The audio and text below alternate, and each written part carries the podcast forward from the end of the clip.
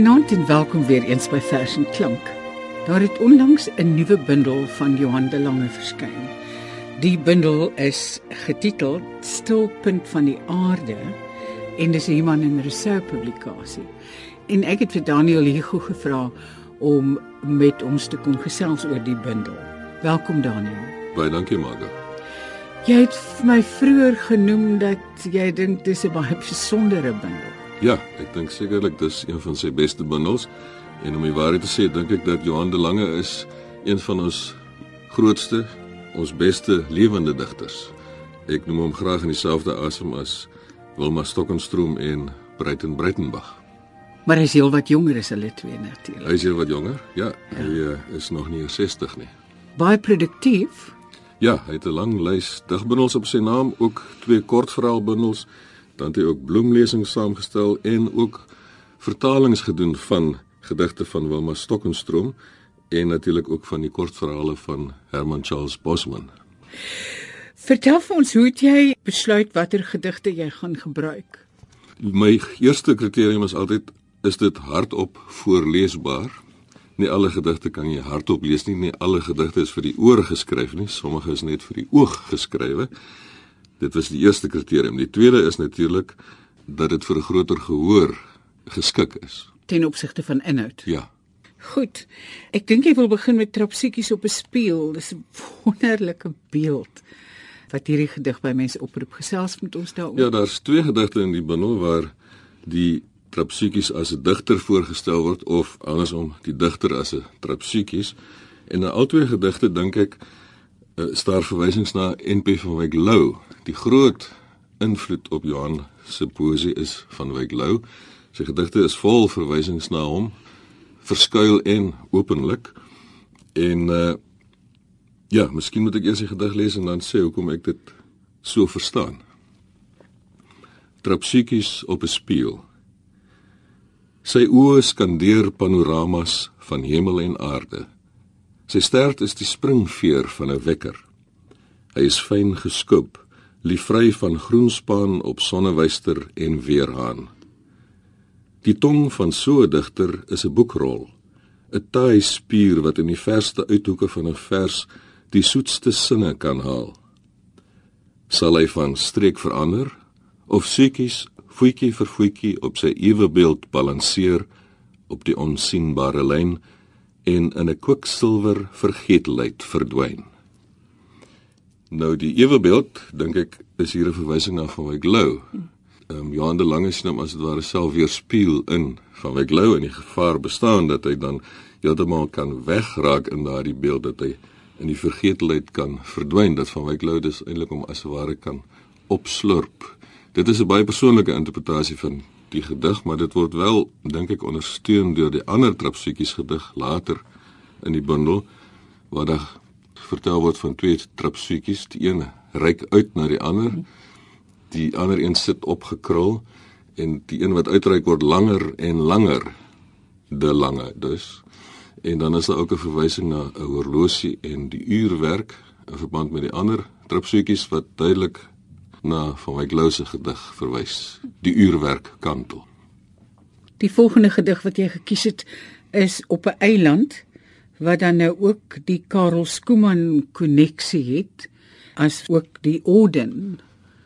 Ja, op 'n eiland is natuurlik die bekende roman van Karel Skooman. Dit speel af op 'n Griekse eiland en is geskryf na aanleiding van 'n besoek van Karel Skooman by Jan Rabie en sy vrou wat destyds daar op die eiland gewoon het.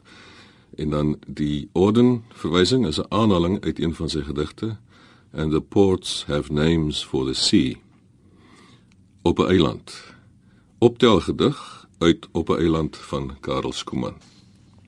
Dit is 'n lang reis van Pireus na die eiland.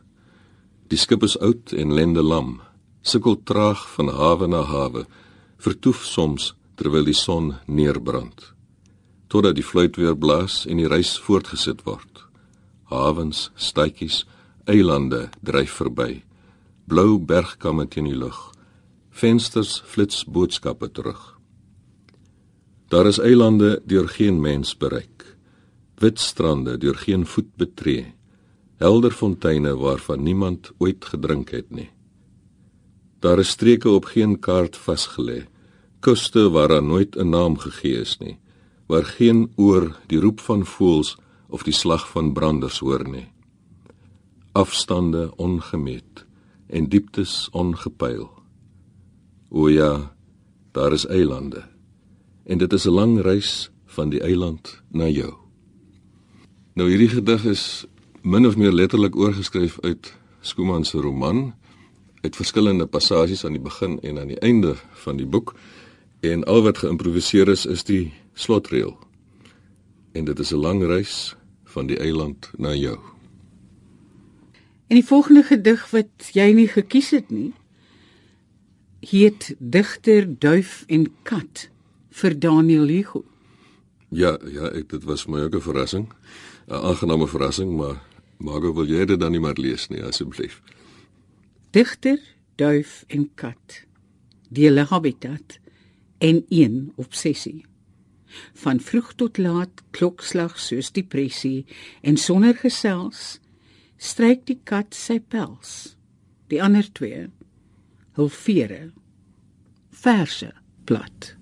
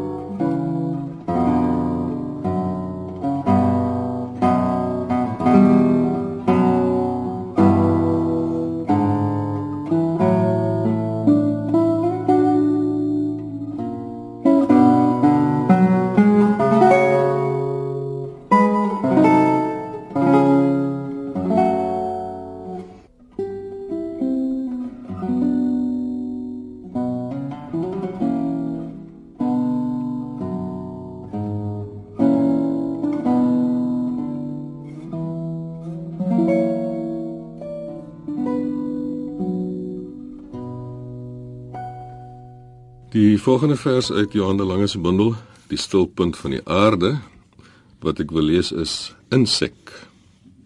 Nietig, maar in elke opsig volmaak, gooi jy, hoe gering ook, jou skadu, 'n delikate fyn silhouet, onwesenlike klein kamee tot die fynste detail afgewerk.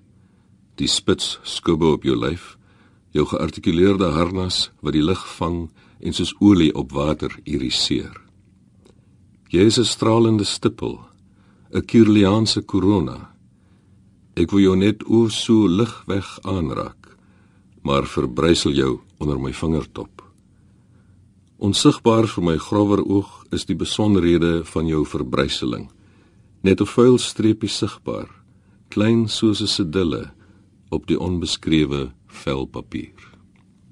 Dit lyk vir my dit gaan hier oor die kunstenaar wat eintlik die skoonheid vernietig in die proses waarin hy dit wil herskep. Sommige dinge is so delikaat dat uh, selfs die goeie kunstenaar kan dit nie weergee nie. Dan 'n baie besondere natuurgedig is Paradysboomslang waarin die slang beskryf word in terme van die alfabet en op die ouend in terme van musiek. Paradysboomslang. Van die hoogste tak hang die geelgroen paradysboomslang 'n ontspanne J. Wen dan sy onderlyf op in 'n springveer S. Kronkel seil van tak na tak. Sy ronde lyf bak gemaak. 'n Konkaaf geskoopte C om die lug te ry. Gekinkeld swiep hy. Seil sweef van boom na boom. 'n Listige groet in okergeel aramees of straks 'n musikale frase, 'n glissando glansend uitgespeel. Dit is interessant dat 'n sinoniem van die woord glissando alreeds vroeër in die gedig voorkom, naamlik sweep. Dit is ook 'n musikale term wat veral gebruik word vir daardie geluid wat die vingers van 'n gitaarspeler op die snare maak, daardie sweep geluid. Die spel met klank hier in is is opvallend. Ja, nee, hy is 'n uh, meester van die klank, net soos wat Ina Rousseau was in haar natuurgedigte. Ja. En nou, Pendant is die titel van die volgende gedig. Dit gaan ook hier oor die digter wat sintuiglik leef. 'n Pendant is in hierdie geval 'n hangertjie. Die barnsteen karbonkel van die Baltiese kus, nie langer malse heuning nie, het om die honger van 'n by gestol. Geslyp in die vorm van 'n hart, gepoleer en geset in goud, word dit pendant iets seldsaams en blinks om jou rykhalsende hals. Deels ding en deels idee vir ons wat graag met die oog wil dink. Barnsteen is 'n ander woord vir amber. Dan die volgende gedig van Johan de Lange is eintlik geïnspireer deur die kunswerk wat op die omslag voor afgedruk is. Dit is 'n kunswerk, 'n potlood tekening van Judith Mason met die titel Walking through the Lowveld. Potlood op papier. Spoor na 'n skets van Judith Mason. Veerlig jou voetval deur die bestippelde bosveld waar distels en leë papiedoppe ritsel of roer. Goue sydrade loswaai van tamboekiegras en waaisand die voetbeentjies van 'n blou apie ontbloot. Blou glanse en skemerbruintjies fletter sigsag. Weldra kom die skemer soos 'n flap in die riete sit. Van die middag bly nog net die fynste skadu's oor wat kwartel en tarn taal. toe. Weer eens hierdie beelde wat hy skep en die beelde wat hy sien. Ja, dit is nou natuurlik geïnspireer deur Judith Mason se skets en hmm. op daardie skets word 'n sien 'n mens die voetspoor van 'n mens wat by die hak eintlik verander in 'n tarantaalveer. Mm. Daarom veerlig jou voetval. Ja. Ja, maar ook weldra kom die skemer soos 'n flap in die riete sit. Ja. Dis 'n wonderlike beeld wat hy skep daar. Hmm. Dit herinner 'n bietjie aan Opperman se beeld, met daar verdwyn soos kwartels in lang gras. Johan de Lange het al in sy vorige bundels oor sy pa geskrywe. Hier is 'n hele reeksie gedigte oor hom, Verlore Vaders. Ek lees net die laaste ene met die titel Daddy. Ek onthou die dag toe ek na ons verhaal se slot kom soek het, pa.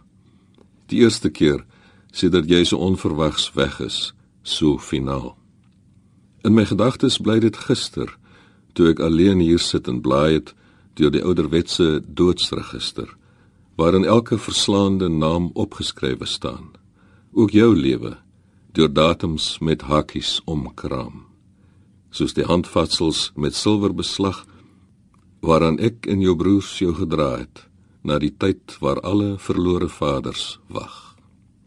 Nie net van Wyk Lou is 'n groot invloed in die poësie van Johan de Lange nie, ook Breiten Breitenberg, nie so groot soos van Wyk Lou nie, maar daar's onder meer 'n gedig hier in hierdie nuwe bundel van Johan wat 'n herskrywing is van 'n baie bekende gedig van Breiten Breitenberg. Breiten se gedig Allerliefste ek stuur vir jou rooiborsduif en Johan maak dan daarvan witborsduif. Maar eers gaan ek uh, Breitenberg se gedig lees.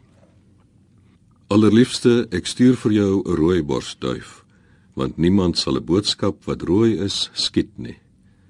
Ek gooi my rooiborsduif hoog in die lug en ek weet al die jagters sal dink dis die son. Kyk, my duif kom op en my duif gaan onder.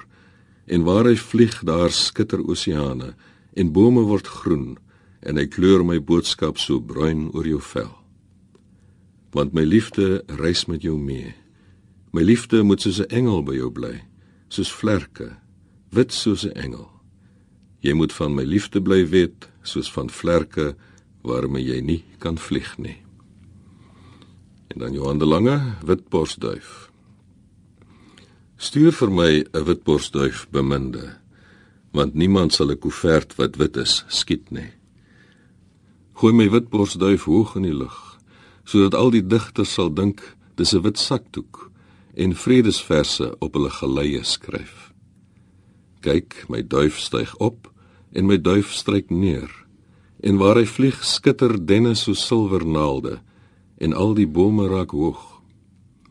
My duif reis mee in my bloed, sy vlerke stralend wit. Ek sal van sy ekstase bly weet, soos van wit kerke waaroor ek nie kan vlieg nie. Wat dink jy van so naskrywing? Baie dinge.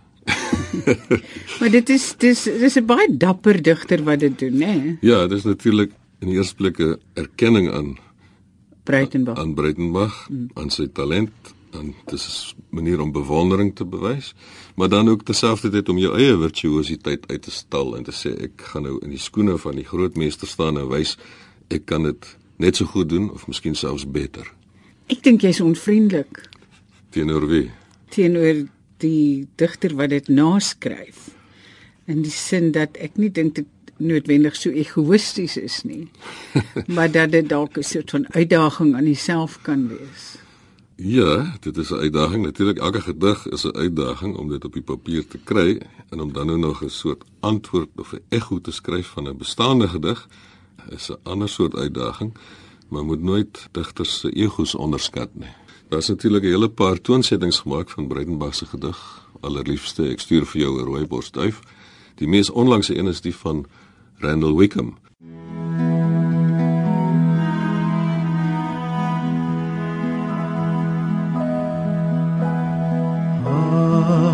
Allerliefste Allerliefste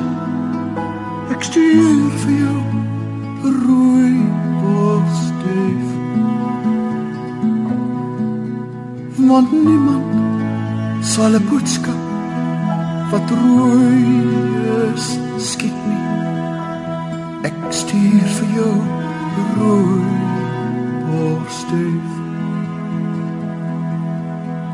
Ek gooi my rooi borsduif Oeh, geneig En ek weet al die jagters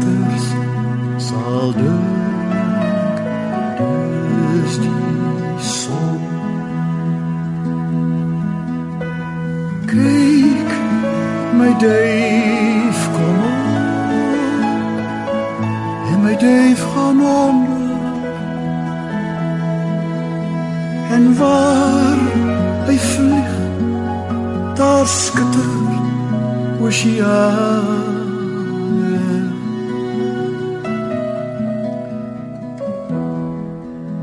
En bome word groen groen groen groen, en hy kleer my boodskap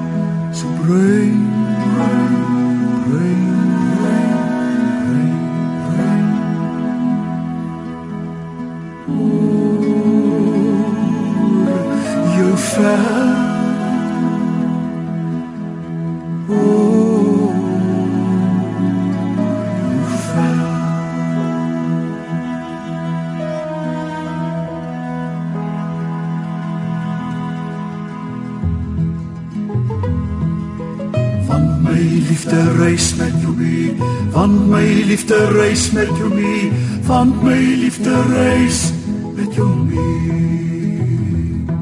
My liefde moet soos 'n engel by jou bly. Soos 'n engel by jou bly. My liefde moet soos 'n engel by jou bly want my liefde reis met jou mee. Soos vlerke, soos vlerke, Wit, wit, wit, wit, soos 'n engel. Jy moet van my liefde bly weet. Jy moet van my liefde bly weet. Jy moet van my liefde bly weet want my liefde reis met jou mee. Soos vlerke, soos vlerke, soos vlerke, soos vlerke. Waarmee jy nie kan vlieg nie.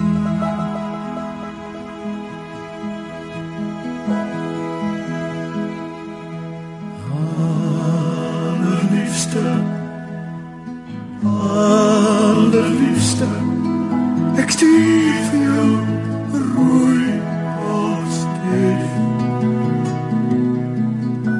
Want niemand sal 'n boodskap wat rooi is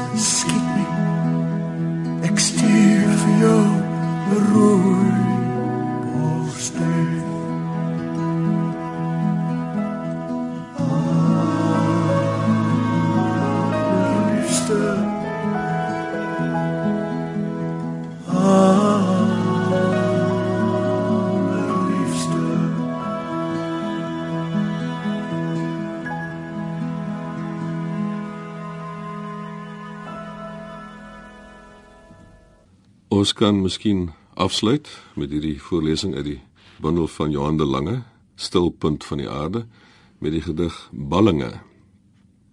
Palms in Stockholm of Amsterdam word voor die eerste sneeu so siekes knus omswagtel.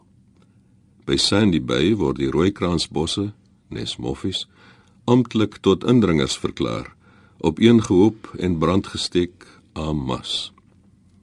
In strafkampe in 'n ander eeu is ander stambome verbrand en as laat neerstuif op vuil sneeu. Partyballinge verplant soms seer moeilik, skiet nooit wortel terwyl ander floreer. Oorlewendes raak soms ingeburger, aard in 'n nuwe vaderland of stap van die waterkant met elke jassak swaar van woorde onder die troebel sen in na die ander kant. In die slot word daar verwys na die selfmoord van twee skrywers, die een Virginia Woolf wat haar jassakke vol klippe gemaak het en toe in 'n rivier ingestap het en die ander na Paul Celan, die Duitse digter wat in 1970 selfmoord gepleeg het in Parys deur ook in die Seine in te stap na die ander kant. En die ander kant is ook 'n verwysing na 'n latere gedig in die bundel wat handel oor die selfmoord van Johannes Kerkorrel en Kerkorrel het natuurlik ook 'n lied geskryf met die titel Die ander kant. Thank you.